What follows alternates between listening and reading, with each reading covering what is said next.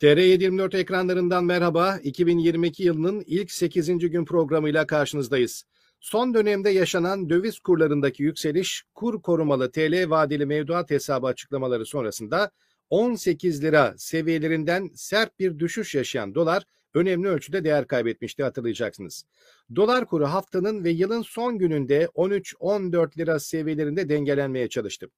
Kur korumalı TL vadeli mevduat sisteminin açıklanmasının ardından 18 liraya dayanan dolar ertesi gün ve sonrasında 10,5 lira kadar inmişti. Dolar kuru yılın son gününde 13 lirayı geçerken Euro 15, sterlin 18 lira civarında seyretti. Ancak Cumhurbaşkanı Erdoğan'a göre kurlardaki bu oynaklık tamamen geçici. Dövizden Türk lirasına hızlı bir düşüş olduğunu ve dönüş olduğunu iddia eden Erdoğan, kurun tekrar oynamaya başlaması geçici bir durumdur. Döviz kuru üzerinden bize silah göstermeye kalktılar ama başaramayacaklar. Bizim silahımız daha güçlü, bizim silahımız NAS dedi tekrar ve krizi her zamanki gibi dış güçlere bağladı. Merkez Bankası'ndaki döviz rezervlerini eksiye düşüren AKP rejiminin vatandaşların yastık altındaki birikimlerini bankalara yatırması için ortaya sürdüğü dövize endeksli TL mevduat sistemine ilgi beklentilerin altında kalınca Ziraat Katılım Bankası ilahiyatçılardan besmeleli icazet belgesi aldı. Belgede elbette en doğrusunu Allah Teala bilir ifadeleri kullanılıyor. Bu arada dövizdeki kısa süren düşüşün ardından gelen yükseliş hiç vakit kaybetmeden zam olarak yansımaya başladı bile. Örneğin benzine yeni yıl öncesi 68 kuruşluk zam geldiği duyuruldu. Yapılan zamla birlikte Ankara'da ortalama 11,69 liradan satılan benzinin litre fiyatı 12,37 lira olacak. Benzinin litresi İstanbul'da 11,63'ten 12,31'e, İzmir'de 11,71 liradan 12,39 liraya çıkacak. Evet bu hafta yaşanan gelişmeleri ve yeni yıldan beklentileri Profesör Doktor Ercan Ekmekçioğlu ile konuşacağız. Hocam e, merhabalar. Merhabalar Mahmut Bey. İyi yayınlar diliyorum. Teşekkür ediyoruz. Hoş geldiniz tekrar. Önce dilerseniz 2021'in şöyle son haftasında öne çıkan başlıklara kısaca göz atalım. Ardından da sizin yorumlarınızı alalım. Deniz Yavuz Yılmaz'ın e, sosyal medyadaki paylaşımları oldukça dikkat çekti ve çok sayıda paylaşım gördü. 20 Aralık akşamı olanları anlatıyordu. Merkez Bankası kamu bankaları aracılığıyla çok düşük kurdan dolar satmaya başlıyor. Hedef Merkez Bankası dolarını 10 liranın altında satıp bir kısım yandaşa sermaye transferi yapmakken dolar ancak 12.49'a kadar geriliyor. Çünkü bu operasyondan haberi olmayan bir yatırımcı ortalama 12,50 liradan 1,5 milyar dolarlık bir alım yapıyor. Merkez Bankası o günkü satış limitini tükettiği için daha fazla dolarda satamıyor. Böylece operasyon yarım kalıyor, panik başlıyor. 21 Aralık sabahı 9.25 BIST bir duyuruyu onaya sunuyor. Operasyonun tamamlanması için borsa yatırımcılarına tuzak kuruluyor. Saat 9.46 yani borsa açık, açıldıktan tam 16 dakika sonra duyuru onayı kapta yayınlanıyor. Doların %10'a kadar düşükten satılabilme sınırı %80'e çıkarılıyor. Ancak Yatırımcılar bu kararı öğrenene kadar geçen 16 dakikalık süre içinde yeni günde borsada 18,22 liradan satış işlemine başlayan Merkez Bankası dolar rezervi 3,65 lira seviyesine kadar zaten satılmış oluyor. Önceden haberi olup da neredeyse bedavaya dolar alanların kim olduğu meçhuldür. Sonuçta Merkez Bankası soyulmuştur. Operasyondan haberi olanlar büyük paralar kazanmıştır. Kalanlar paralarını ve varlıklarını kaybetmiştir. SPK ve BIST'in manipülasyonlara karşı yatırımcılarını koruması gerekirken yatırımcılarına kumpas kurulmasına aracılık etmiştir. Çok önemli bir iddia bu Deniz Yavuz Yılmaz tarafından gündeme getirildi. Doktor Murat Karasoy da diyor ki dolar 18.20 iken Halk ve Vakıf Bank'tan bozulan dolar miktarını söylüyorum tam 48 milyar 352 milyon dolar. Tabii dolar 11-12'ye düşünce kim geri aldı? Evet bu da çok önemli bir iddiaydı. 1-2 milyarlardan değil tam yaklaşık 50 milyarlık bir e, dövizden bahsediyoruz. Kılıçdaroğlu'nun iddialarına ve sözlerine bakalım. 20 Aralık gecesi Vakıfbank'tan 4,5 milyar dolar, Halkbank'tan 3,6 milyar dolar, Ziraat Bankası 6,5 milyar dolar, 21 Aralık sabahından 22 Aralık akşamına kadar Türkiye Cumhuriyet Merkez Bankası'nın arka kapısından 4,5 milyar dolar toplamda 19,1 milyar dolar satıldı deniyor. Evet haberlerde ve yorumlarda biraz rakamların farklılık gösterdiğini görüyoruz. Ama Maliye ve Hazine Bakanı Nebati dedi ki önce o dolar, e, o gece hiç dolar satılmadı. Kamu bankaları devreye girmedi. Hiç kimse devreye girmedi. Bireysel satıcılar devreye girdi ve birbirleriyle yarıştılar dedi. O yayında 10 dakika sonra o gece Merkez Bankası 7 milyar dolar müdahalede bulundu diyordu.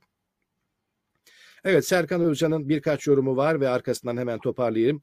Özellikle muhalif kesimden çok sayıda telefon alıyorum, yazılanları okuyorum. Hemen herkes iktidarın son hamlesiyle gündemi lehine çevirdiğini, muhalefetin yetersiz kaldığını söylüyor. Kısaca şunları söyleyeyim. Ekonomide tek hamleyle tüm sorunları çözmek mümkün değildir. E, dövize endeksli mevduat benzeri politikalarla bugünün riskleri ileri bir vadeye büyük bedel ödenerek ertelenebilir. Adama çok biliyordun kur 8'den 18'e giderken neyi bekledin diye sorarlar. Bu hamle var olan krizi daha da derinleştirecektir. Enflasyon, dolarizasyon ve borçluluk artacaktır. Ülkemiz yüksek dış borcu nedeniyle her türlü finansal atağa karşı daha da güçsüz hale gelecektir.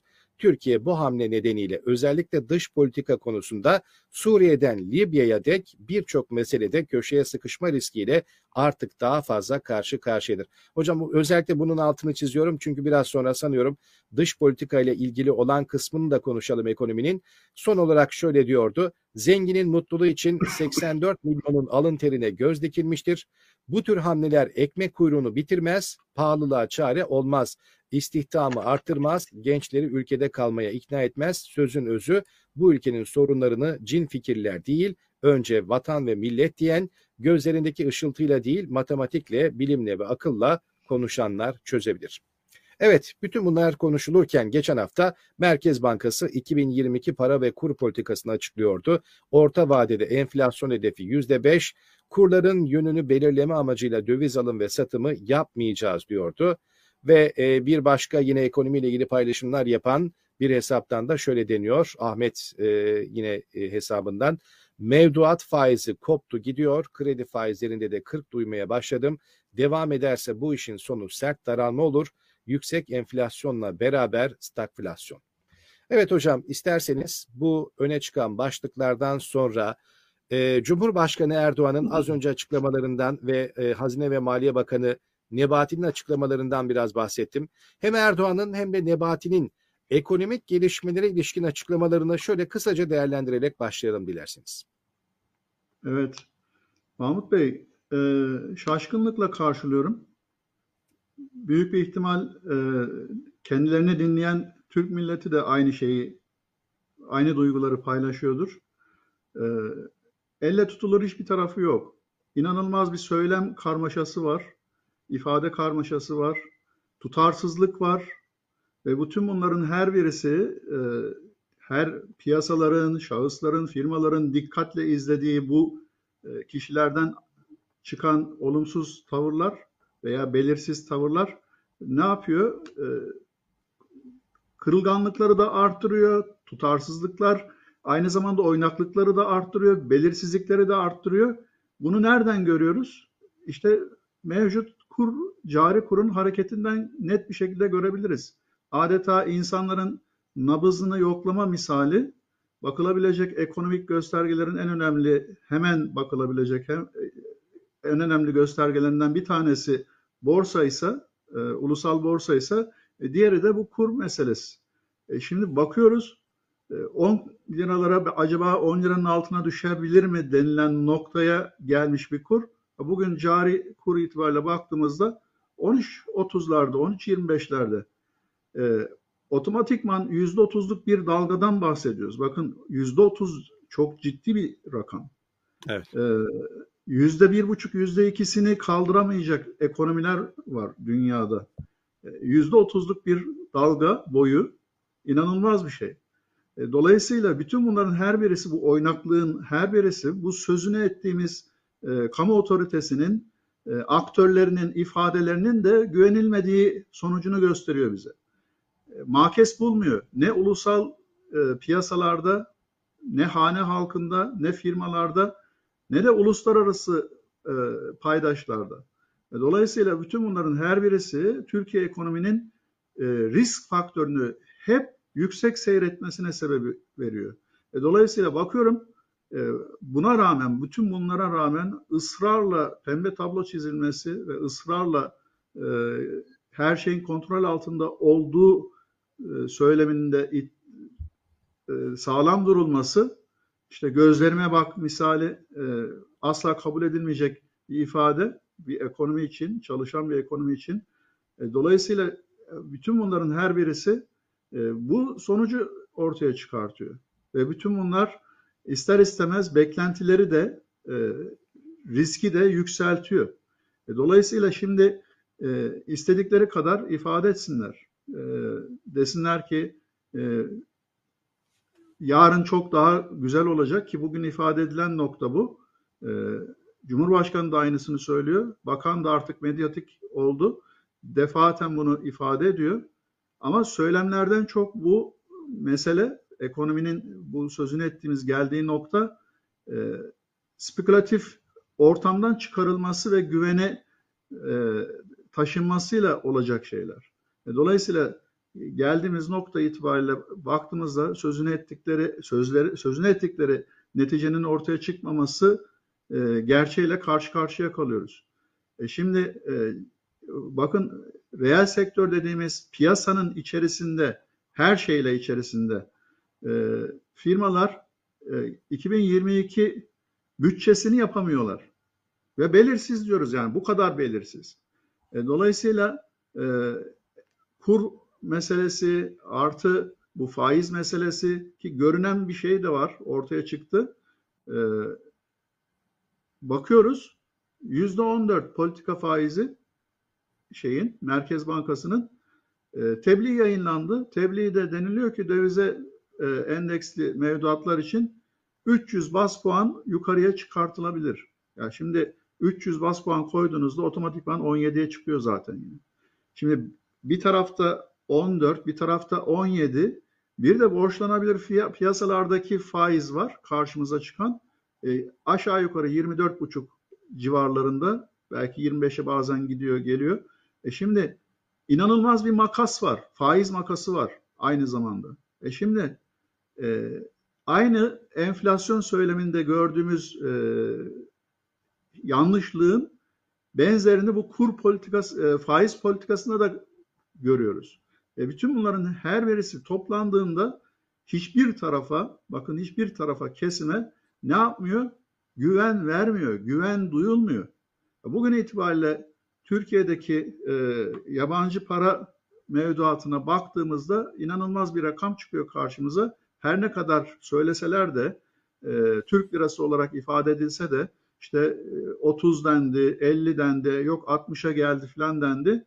Yekünün içerisindeki hacme baktığımızda, oranladığımızda yüzde bir buçukla yüzde üçlük bir tutardan bahsediyoruz. Yani vatandaşın teveccühü uyandı, vatandaş işte gereken hamleyi yaptı, şunu yapıyor, bunu yapıyor söyleme aslında e, reel olarak baktığımızda, oranladığımızda tutarsız olduğu sonucu çıkıyor.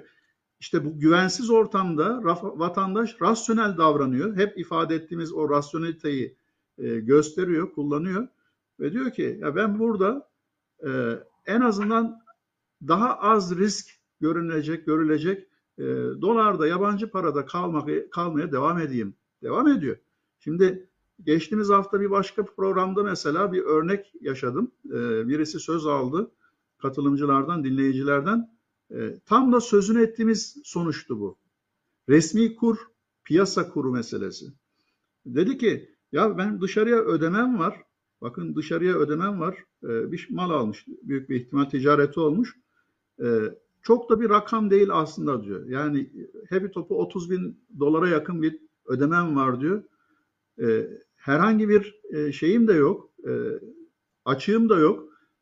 Döviz almak istedim muhatap muhabir bankamdan. Muhabir banka bana dedi ki diyor size döviz veremeyiz. Benim e, ödemem var. Yurt dışına ödeme yapmam lazım. İstiyorsanız Türk lirası olarak şey yapalım. Kullanımı e, sağlayalım. E, olmayacak bir şey teklif yani bu. çare arıyor. En son bir arkadaşı diyor ki ya sen diyor e, şeyi denesene. E, İstanbul'daki işte, e, borsa şeyini e, neydi? Tahtakale'yi denesene. Tahtakale. Tahtakale üzerinden e, irtibata geçiyor. Kur o zaman 11.5-12 arasındayken söylediğim bu olay tahakkuk ediyor. Bu kişiye verdikleri tahtakale fiyatı 17 lira. Bakın 1 dolar 17 lira.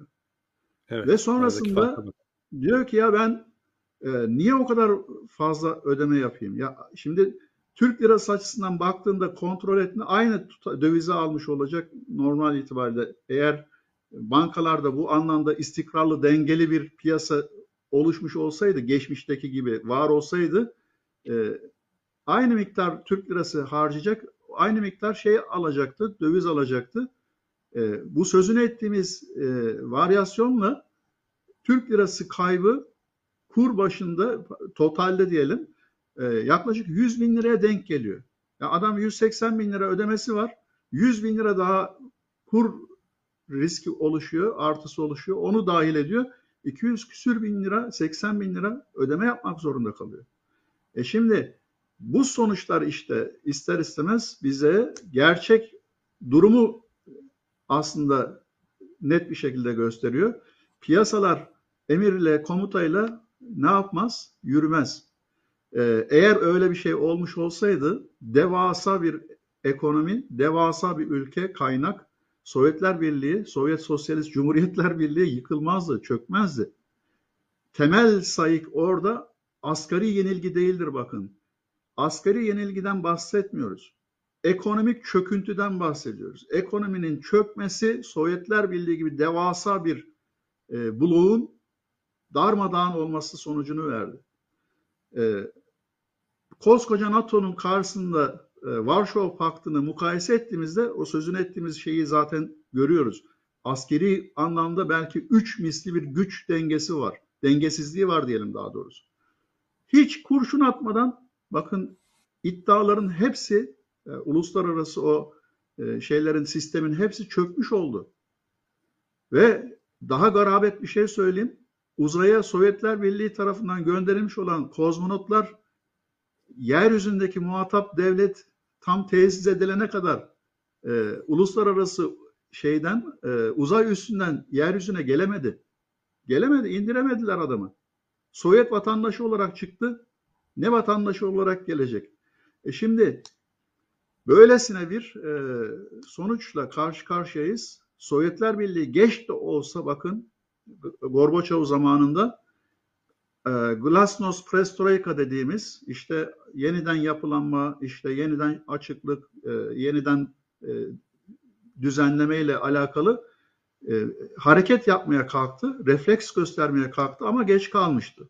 Bugün gelinen nokta Türkiye açısından maalesef o istedikleri kadar model çıkarsınlar, istedikleri kadar sistem geliştiriyoruz, işte yeni bir şeyler deniyoruz, Aa, bu oldu, şunu kesin artık bu yürüyecek deseler de olmayacak bir şey noktada yani bu. E, dolayısıyla evet. sonuç itibariyle geldiğimiz nokta ancak ve ancak e, daha önceki programlarda da hep ifade ettiğimiz tarzda İtalya'daki benzer bir örneğin Türkiye'de acilen ama acilen muaccel diyelim devreye sokulması o da nedir? Milli mutabakat mı denir artık e, ne denirse tam bir muhalefetin de yer aldığı, elini taşın altına soktuğu e, bir ekonomik re, e, restorasyonla mümkün olabilir. Değilse mevcut e, iktidarın bu anlamda bir çıkış getirmesi şansı e, çok da mümkün gözükmüyor. Biraz sonra evet. belki daha detayları değerlendiririz. Evet hocam e, biraz Rusya'dan Sovyetler Birliği'nden örnek vermişken e, geçen hafta hatırlayacaksınız programımızda da konuştuk. Putin kameralar karşısında çıkıp ekonomiyle ilgili açıklamalar yaparken Türkiye örneğe vermişti ve eğer aynı hata yaparsak sonumuz Türkiye olur gibi demişti Merkez Bankası ve faizle ilgili açıklamalar yaparken. Biraz dış politikaya bakalım.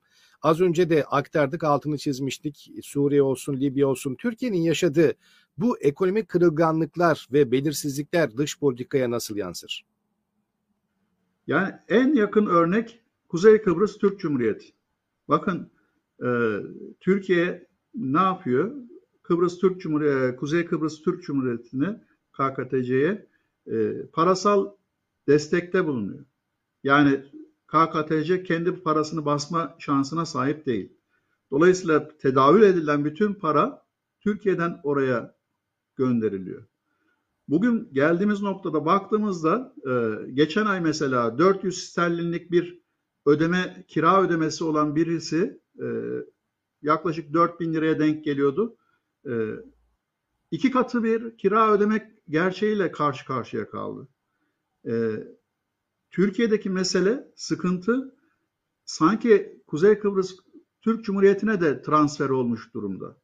Orada da ciddi anlamda hayat pahalılığı var. Orada da ciddi anlamda e, geçim sıkıntısı var.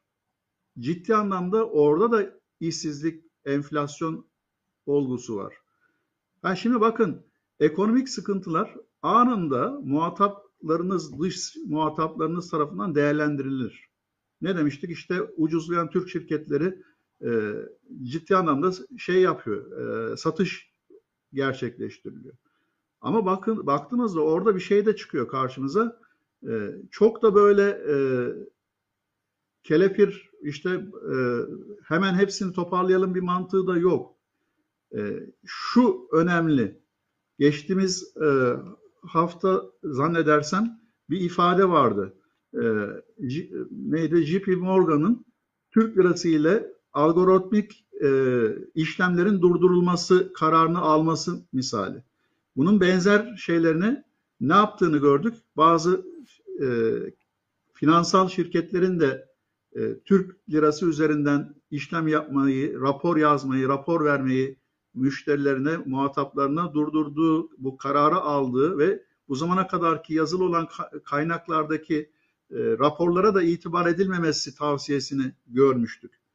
E, şimdi KKTC'deki bu sonuç bize net bir şey gösteriyor. Türkiye'nin bu e, yaşadığı sıkıntı e, ister istemez o tarafa da ihraç olmuş durumda. Ne yapıyor? Kıbrıs Rum kesimi bunu hemen değerlendiriyor. Diyor ki eğer Kıbrıs Cumhuriyeti pasaportunu kullanırsanız bakın Kıbrıs Cumhuriyeti iddiamızın ötesinde bir nokta bu. Kıbrıs Cumhuriyeti pasaportunu kullanırsanız size iş ayarlayabiliriz diyorlar Lefkoşe'de veya e, iş açığının bulunduğu e, sektörlerde Rum kesimi tarafında ve e, KKTC'deki e, işsiz insanlar veya daha fazla gelir elde edebilecek e, pozisyonu gören insanlar ne yapıyorlar? Bu fırsatı değerlendiriyorlar. Pasaportu olanlar o tarafa gidiyor. Türk devletinin kabul etmediği bir nokta bu aslında. Bakın Türkiye'nin de kabul etmediği bir nokta.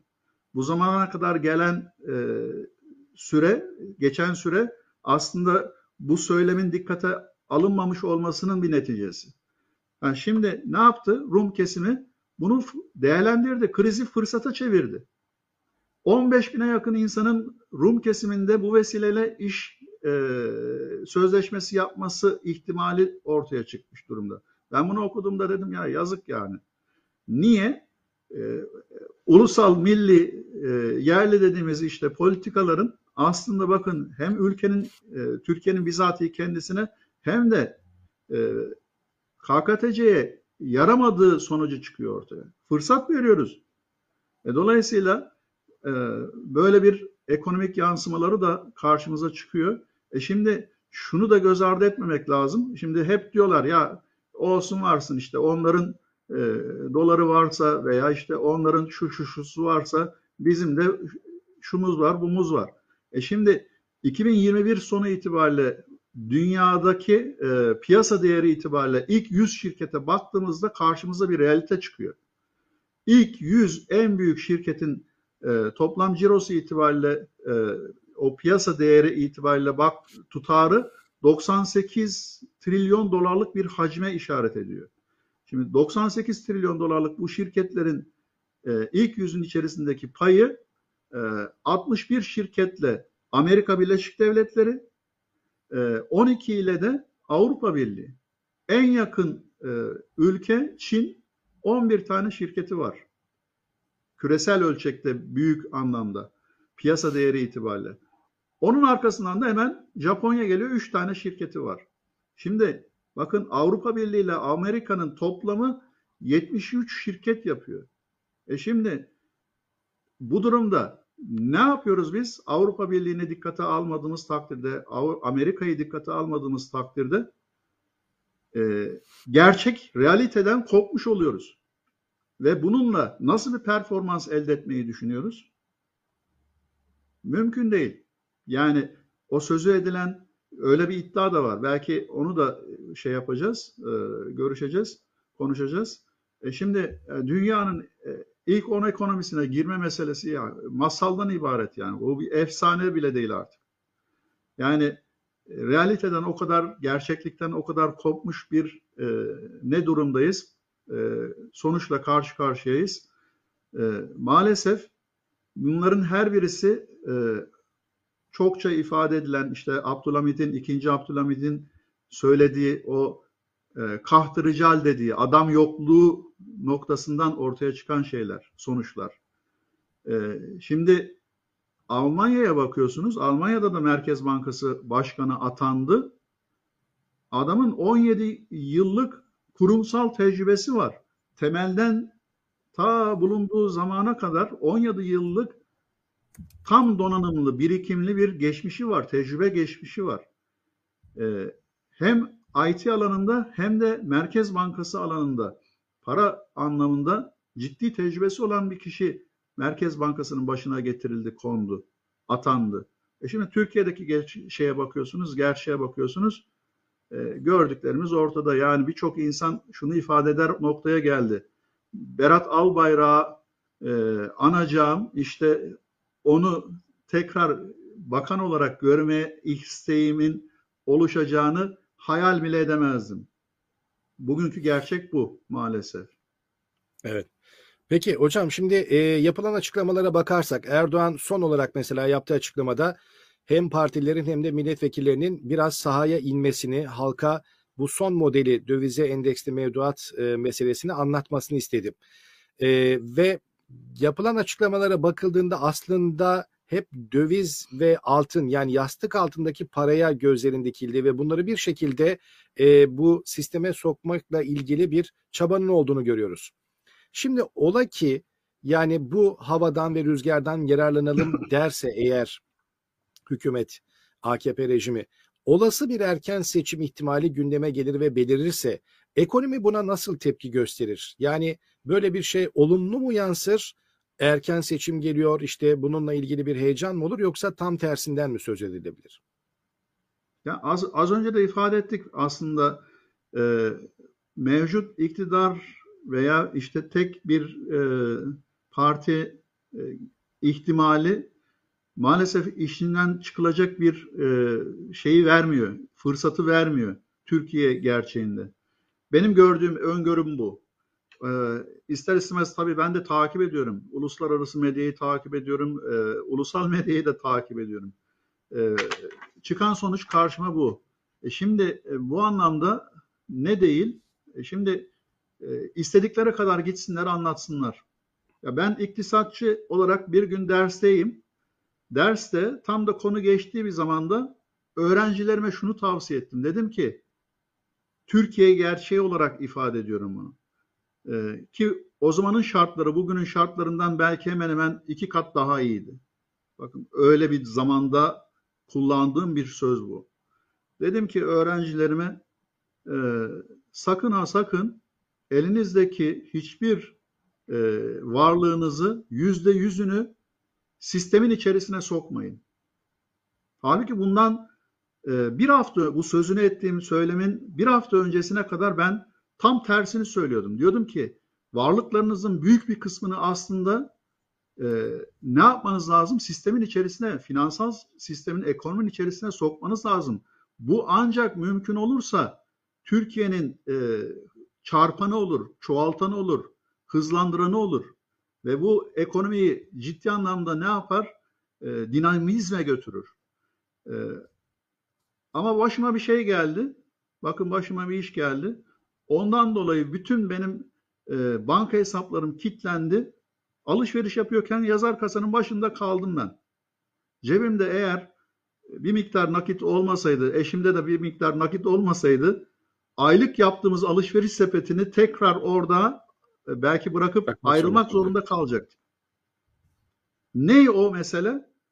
Hiç alakasız bir mesele. Vergi dairesi ne yapmış? Bütün hesaplarımızı 6-7 tane bankayla çalışıyorum. Normal itibariyle tek bir bankayla da çalışmıyordum. Bütün bankalardaki hesaplarım kırmızı olmuş. Mesele ne? Kira meselesi. Yani e, tahakkuk eden kira e, birinci yarı yılda eksik kalmış. 245 lira. Hepi topu bakın 245 lira. Ve o 245 lira meseleden dolayı benim bütün hesaplarım kilitlenmiş.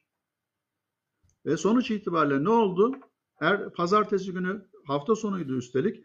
Pazartesi günü durumun e, şeyini çerçevesini anladıktan sonra, içeriğini anladıktan sonra ne yaptım? Gerekenleri yaptım. Hemen gönderdik. Yanlış anlamışım ben orada. Normalde yatırmadığım bir şey değil. Sadece o mesele. Onu yatırdıktan sonra benim hesaplarımı açtılar. Dedim ya böyle bir şey olabilir mi ya? Yani hiçbir şey yok bakın. Ee, 245 lira için bütün her şeyim kilitlenmiş oldu. Ve ben yurt dışında olsaydım ciddi anlamda da mağdur olacaktım. Bakın cid- yurt dışında olsaydım ciddi anlamda mağdur olacaktım. Ve sonrasında kendi kendime bunun da bir dezavantaj olarak değerlendirilmesi gerektiğini düşünerek dedim ki bundan sonra e, şahsi varlıklarımın ancak yüzde kırkını maksimum yüzde kırkını ne yapabilirim? Bu benim bir şeyimdi, değerlendirmemdi. E, sistemin içerisine sokarım. Yüzde altmışı kenarda durur. Yastık altı durur. Evet. Bir iktisatçının bunu söylüyor olması ne kadar hazin bir şey. Ne kadar e, acı bir şey aslında.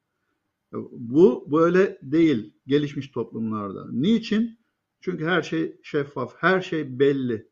Ve bu belirlilik içerisinde insanlar da bütün ödevlerini, bütün yükümlülüklerini, mesuliyetini haiz, müdrik, e, dolayısıyla da eksiksiz bunun yerine getirmeye bakıyor. Hocam Ee, e, yılın ilk Bu programı anlamda, biraz bu anlamda tabii şunu da Evet. dikkate almak lazım. Ee, Türkiye gerçeği maalesef bugün yabancı parada duran, park etmiş e, tutar dünyadaki belki 190 e, 200'e yakın ekonomiden bahsedilir. E, belki yüzünün e, göremeyeceği veya kavuşmayı çok arzu edeceği bir yeküne haiz. 265 milyar dolarlık bir rakamdan, toplamdan bahsediyoruz. Bunun üstünde şimdi söz konusu edilen, bu da ayrı bir nokta, enteresan nokta. Buraya artık çok fazla söz söylenmiyor. Ee, bir başlangıç yapıldı. Büyük bir ihtimal başka şeyler de var orada, düşünceler de var. Ee, yastık altı altınlar meselesi, kıymetli metaller meselesi gündeme geldi. E, bu da aşağı yukarı işte hesaplanan tutar 5000 tondan bahsediliyor. Az bir rakam yapmıyor. Yüzlerce milyar dolar rakam yapıyor bu Evet. da. Ee, ama halk buna teveccüh gösterir mi? Bilemiyoruz. Göreceğiz. İkna edilebilirlerse olabilir belki. Hocam e, dediğimiz gibi yılın ilk programı hem bugün de biraz da tatil olacak. Çok fazla uzatmadan son olarak 2022 yılından beklentilerle kapatalım programı. Örneğin Merkez Bankası'nın rezervinin gün geçtikçe eridiğini hep biliyoruz. %5 enflasyon beklentisini duyurdu 2022 için. E, %50'lerde %60'larda hissedilen ve gerçek enflasyondan bahsedilirken 2022 için %5 enflasyon beklentisi nasıl olur? 2022'de hem dünya ve özelinde tabii ki Türkiye ekonomisi için neler bekliyorsunuz? Yani o o söylemin asla olmayacak bir şey olduğunu söyleyebilirim. Yani yüzde beş artık ihtimal bile değil. Yani yüzde on deseler dahi inanılmayacak bir rakam. Ee, sözünü ettiğimiz o Sovyetler Birliği kağıt üstünde her şeyi ayarlayabiliyordu. Her şeyi çok iyi gösterebiliyordu. Ama neticesi ne oldu? Oraya bakmak lazım. Oraya bakmak lazım. Onun da ne olduğunu söyledik. Bakın e, yaşadığım e, tecrübelerdi bu. Ya e, 15 tane cumhuriyet darmadağın olmuş, birbiriyle bağlantısını sağlam tutmak adına e, üretim faktörlerinin her birisini e, çaprazlama kullanmışlar. E, üretimi dahil o şekilde planlamışlar. Merkezi otorite. Sovyetler Birliği'nde. Sistem çöktüğü bir anda ne oldu biliyor musunuz? Sabun bile bulamadı insanlar. Yıkanmaya sabun bile bulamadı. O nokta yani. Ee, öylesine türdeş e, mallar vardı ki şimdi 1990 tarihin 91 tarihinde Azerbaycan'a gitmiştim ben. Azerbaycan'daki o mağazaların kokusu e, sinmiş. Yani belleğime sinmiş. Daha sonra batı arada belki 2000 kilometrelik bir kuş uçuşu mesafeden bahsedebileceğimiz bir başka coğrafyaya gittim. Moldova'ya gittim. Orada aradan iki sene geçtikten sonra gitmiştim. Baktım bir şey benim dikkatimi çekiyor. Ya bir koku var. Tanıyorum ben bu kokuyu. Ama ben oraya ilk defa geldim. Nasıl tanıyabilirim ben bunu diyorum. Sonradan anladım ki ha aynı mallar yani. Aynı mallar. E şimdi e, böylesine hakim bir ekonomi, böylesine hakim bir üretim e, planlaması ama sonuç sonuç darma, darmadağın olmaz. Sonuç darmadağın olmanın yanı sıra e, sa, tarih sahnesinden çekilme. Bu bir gerçek. E şimdi yüzde beş meselesi sözünü ettiğimiz o tarz tam bir mutabakat hükümeti bile olmuş olsa olmayacak en erken bir yılın içerisinde olmayacak bir sonuç. E, ciddi bir politikayla, ciddi bir modellemeyle, konsensüsle belki iki sene sonra, belki iki buçuk, üç sene sonra ulaşılacak e, bir rakamdan bahsedebiliriz yüzde on seviyesini. E, dolayısıyla yüzde beş hele ki şu anki e, akışla, e, gerçekliklerle ne değil diyoruz? E, kabul edilebilir değil diyoruz. E şimdi dünyanın en büyük 10. ekonomisi bugün itibariyle baktığımızda Kanada karşımıza çıkıyor. Nominal gayri safi yurt içi hasılası nedir? 1.73 e, 1 trilyon 730 milyar dolar. Milyar dolar. Yani Türkiye'nin neredeyse 3 katı, 2,5 rahat 3 katı bir ekonomi. 20 yılın sonunda geldiğimiz nokta hala e, şeydeyse 650-700 milyar arasında git gel noktasındaysa bizim dönüp de e, onu düşünmemiz yani ilk onun içerisine girmeyi veya 10. sırada olmayı bile düşünmemiz ne kadar gerçekçi olabilir? Bunu şunun için söyledim. %5 meselesi enflasyon içinde bu kadar bir gerçeklik. Yani çok şey değil. Gelecek evet. yıl adına e, maalesef e, böyle bir zorluklarla, zorluklar demetiyle karşı karşıya kalacak hem firmalar hem hane halkı. E, dolayısıyla bu anlamda e, zor bir sürecin yaşanması ihtimali yüksek diyebilirim. Evet 2021'in e, devamı niteliğinde yani daha doğrusu 2021'den gelen sorunlar devam edeceği için 2022'de en azından çok kolay bir yıl olmayacak gibi gözüküyor diyorsunuz. Hocam çok teşekkür ediyoruz. 2021 yılını geride bıraktık ama gerçekten hem pandemi anlamında dünyayı kasıp kavuran bir korona salgını hem insanları hem hayatı hem e, belki de ekonomileri derinden sarstı vurdu. E, Türkiye'de eğer düşünecek olursak 2022 için en azından Ülkede daha fazla adalet, demokrasi, hukukta iyileşme dileyelim. Ee, korona salgını hala hızla devam ettiği için yeni varyantlarla öncelikle sağlık dileyelim. Ee, ülkede en çok ihtiyaç duyulan ve en mutsuz ülkelerden dünyada biri olduğumuz için e, ülke insanına mutluluk dileyelim. Ve ekonomiyle ilgili madem konuşuyoruz, herkese bereketli, evet. bol kazançlar getirmesini dileyelim 2022'nin. İnşallah. Çok teşekkürler. Haftaya tekrar görüşmek dileğiyle. Hoşçakalın. İyi yayınlar. Sağ olun.